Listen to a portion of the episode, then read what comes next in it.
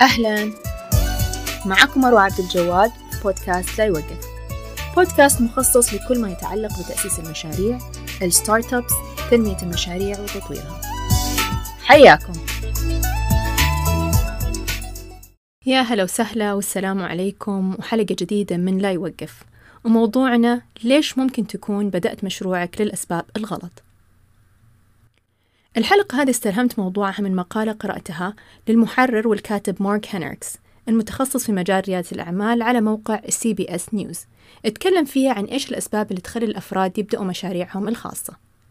من ضمن الأسباب اللي ذكرها تكوين ثروة الاستقلالية الحرية وجود فكرة تستحق البدء جاذبية بيئة رواد الأعمال رغبة الشخص إنه يشتغل لنفسه مو لأحد ثاني يرفع دخله عشان يغطي مصاريفه الحياتية توفير وظائف المساهمة في المجتمع ترك نشاط تجاري للأولاد والأحفاد وأسباب ثانية كثيرة. هل تشوف أنه في واحد أو أكثر من هذه الأسباب تنطبق عليك؟ ضروري نعرف أن الموضوع مو بالسهولة اللي ممكن نشوفها.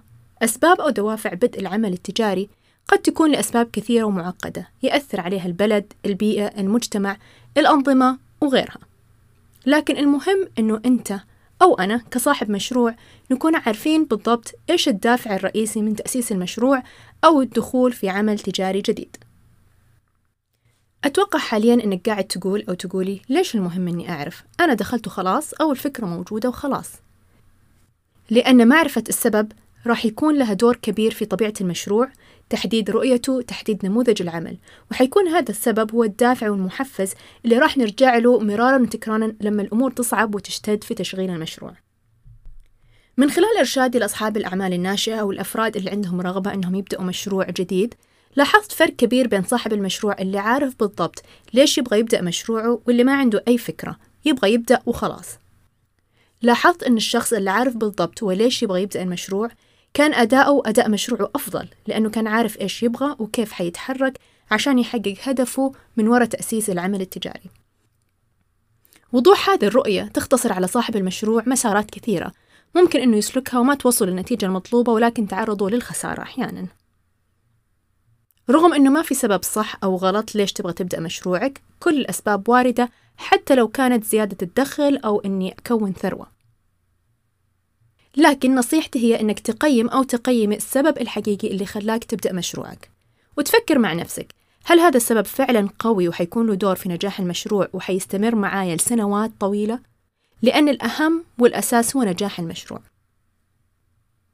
من خبرتي في العمل مع المبادرين اللي عندهم فكرة أو حابين يبدأوا مشروع لأول مرة أحيانا هم ما يكونوا عارفين الدافع وراء تأسيس مشروعهم. ممكن تكون هبة كل اللي حوالينهم قاعدين يسووا مشاريع أو ممكن عشان يكون عندي حضور مجتمعي أو إني أكون كول أو إني لما أحد يسألني أقول والله أنا عندي بزنس أو صاحبة مشروع. وممكن تكون لأنهم مقتنعين جدا إنه فكرتهم ما حصلت وراح تكسر الدنيا. وأحيانا قلة الخبرة وغياب الفكر الناقد والتحليلي وعقلية رائد الأعمال قد تضلل الشخص وتوجهه للاتجاه الخطأ. لكن من رأيي الشخصي أنه أهم سبب نخليه أساس لنا إذا جينا نطلق مشروع هو خدمة الفئة المستهدفة ومساعدتها أنها تتخطى المشكلة اللي هي بتواجهها مهما كان نشاط المشروع. إذا حطينا هذا السبب في بالنا أشياء كثير راح توضح لنا وحيكون تحقيق هدف المشروع ونجاحه أسرع. لأن المشروع سواء كان تجاري أو اجتماعي محوره الأساسي هو خدمة المستفيد. في مرات كثير أحس أنه عملي في المجال الغير ربحي أثر كثير على نظرتي للعمل التجاري بطريقة إيجابية صراحة. الشغف اللي لقيته في عمل القطاع الغير ربحي لتحقيق سبب اجتماعي ما كان له مثيل صراحة. عشان كذا لو لقينا السبب لعملنا التجاري في لمحة اجتماعية أو خدمة مجتمعية راح يكون له تأثير كبير على نظرتنا وحماسنا لهذا العمل. ومو شرط تكون الخدمة المجتمعية خيرية لكن فيها تغيير لحياة هذا المستفيد بطريقة أفضل.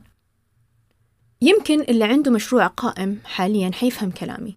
العمل التجاري مليان تحديات. ممكن هذه التحديات توصلنا لمرحلة كبيرة من الإحباط ونفقد حماسنا. أنا شخصيا في إحدى مراحل مشروعي وصلت لدرجة أني مو حابة أدخل المحل أو المكان رغم أنه ضروري تواجدي هناك ومتابعة الأمور كلها. فكنت أفوض كثير. فوجدت أنه نظرة خدمة الغير ومساعدتهم على أنه حياتهم تكون أسهل وأفضل وأجمل بالمنتج أو الخدمة اللي إحنا بنقدمها ممكن تعكس الصورة 180 درجة. رغم التحديات اللي راح نلاقيها إلا أنه هذا السبب حيكون المولد لنا لأنه نستمر ونكمل مهما صعبت علينا المرحلة اللي إحنا فيها. ما ودي أطول عليكم حترككم تفكروا في عنوان الحلقة واللي هو ليش ممكن تكون بدأت مشروعك للأسباب الغلط؟ وهل فعلا أنت بدأت مشروعك لأسباب غلط ولا أنك أنت مقتنع جدا بالأسباب اللي خلتك تنطلق وتأسس مشروعك التجاري؟ وإذا شفت أو شفتي أو شعرتوا أنك بدأت مشروعك لسبب ما هو قوي بهذه الدرجة أو واقعي لسه الفرصة موجودة والتغيير سهل لأنه التغيير حيكون فقط في طريقة التفكير. ما راح نغير المشروع كليا لكن حنعدل فيه وحنغير النية اللي إحنا بدأنا في هذا المشروع وحتنعكس مباشرة على الرؤية القيم وطريقة تشغيلك للمشروع وطريقة حماسك وتفاعلك مع هذا المشروع. يا ريت تشاركوني رأيكم حول الموضوع اقتراحاتكم وملاحظاتكم حول البودكاست بشكل عام من خلال حسابي على تويتر وحكون جدا جدا سعيدة بتواصلكم. أترككم في أمان الله ولا يوقف.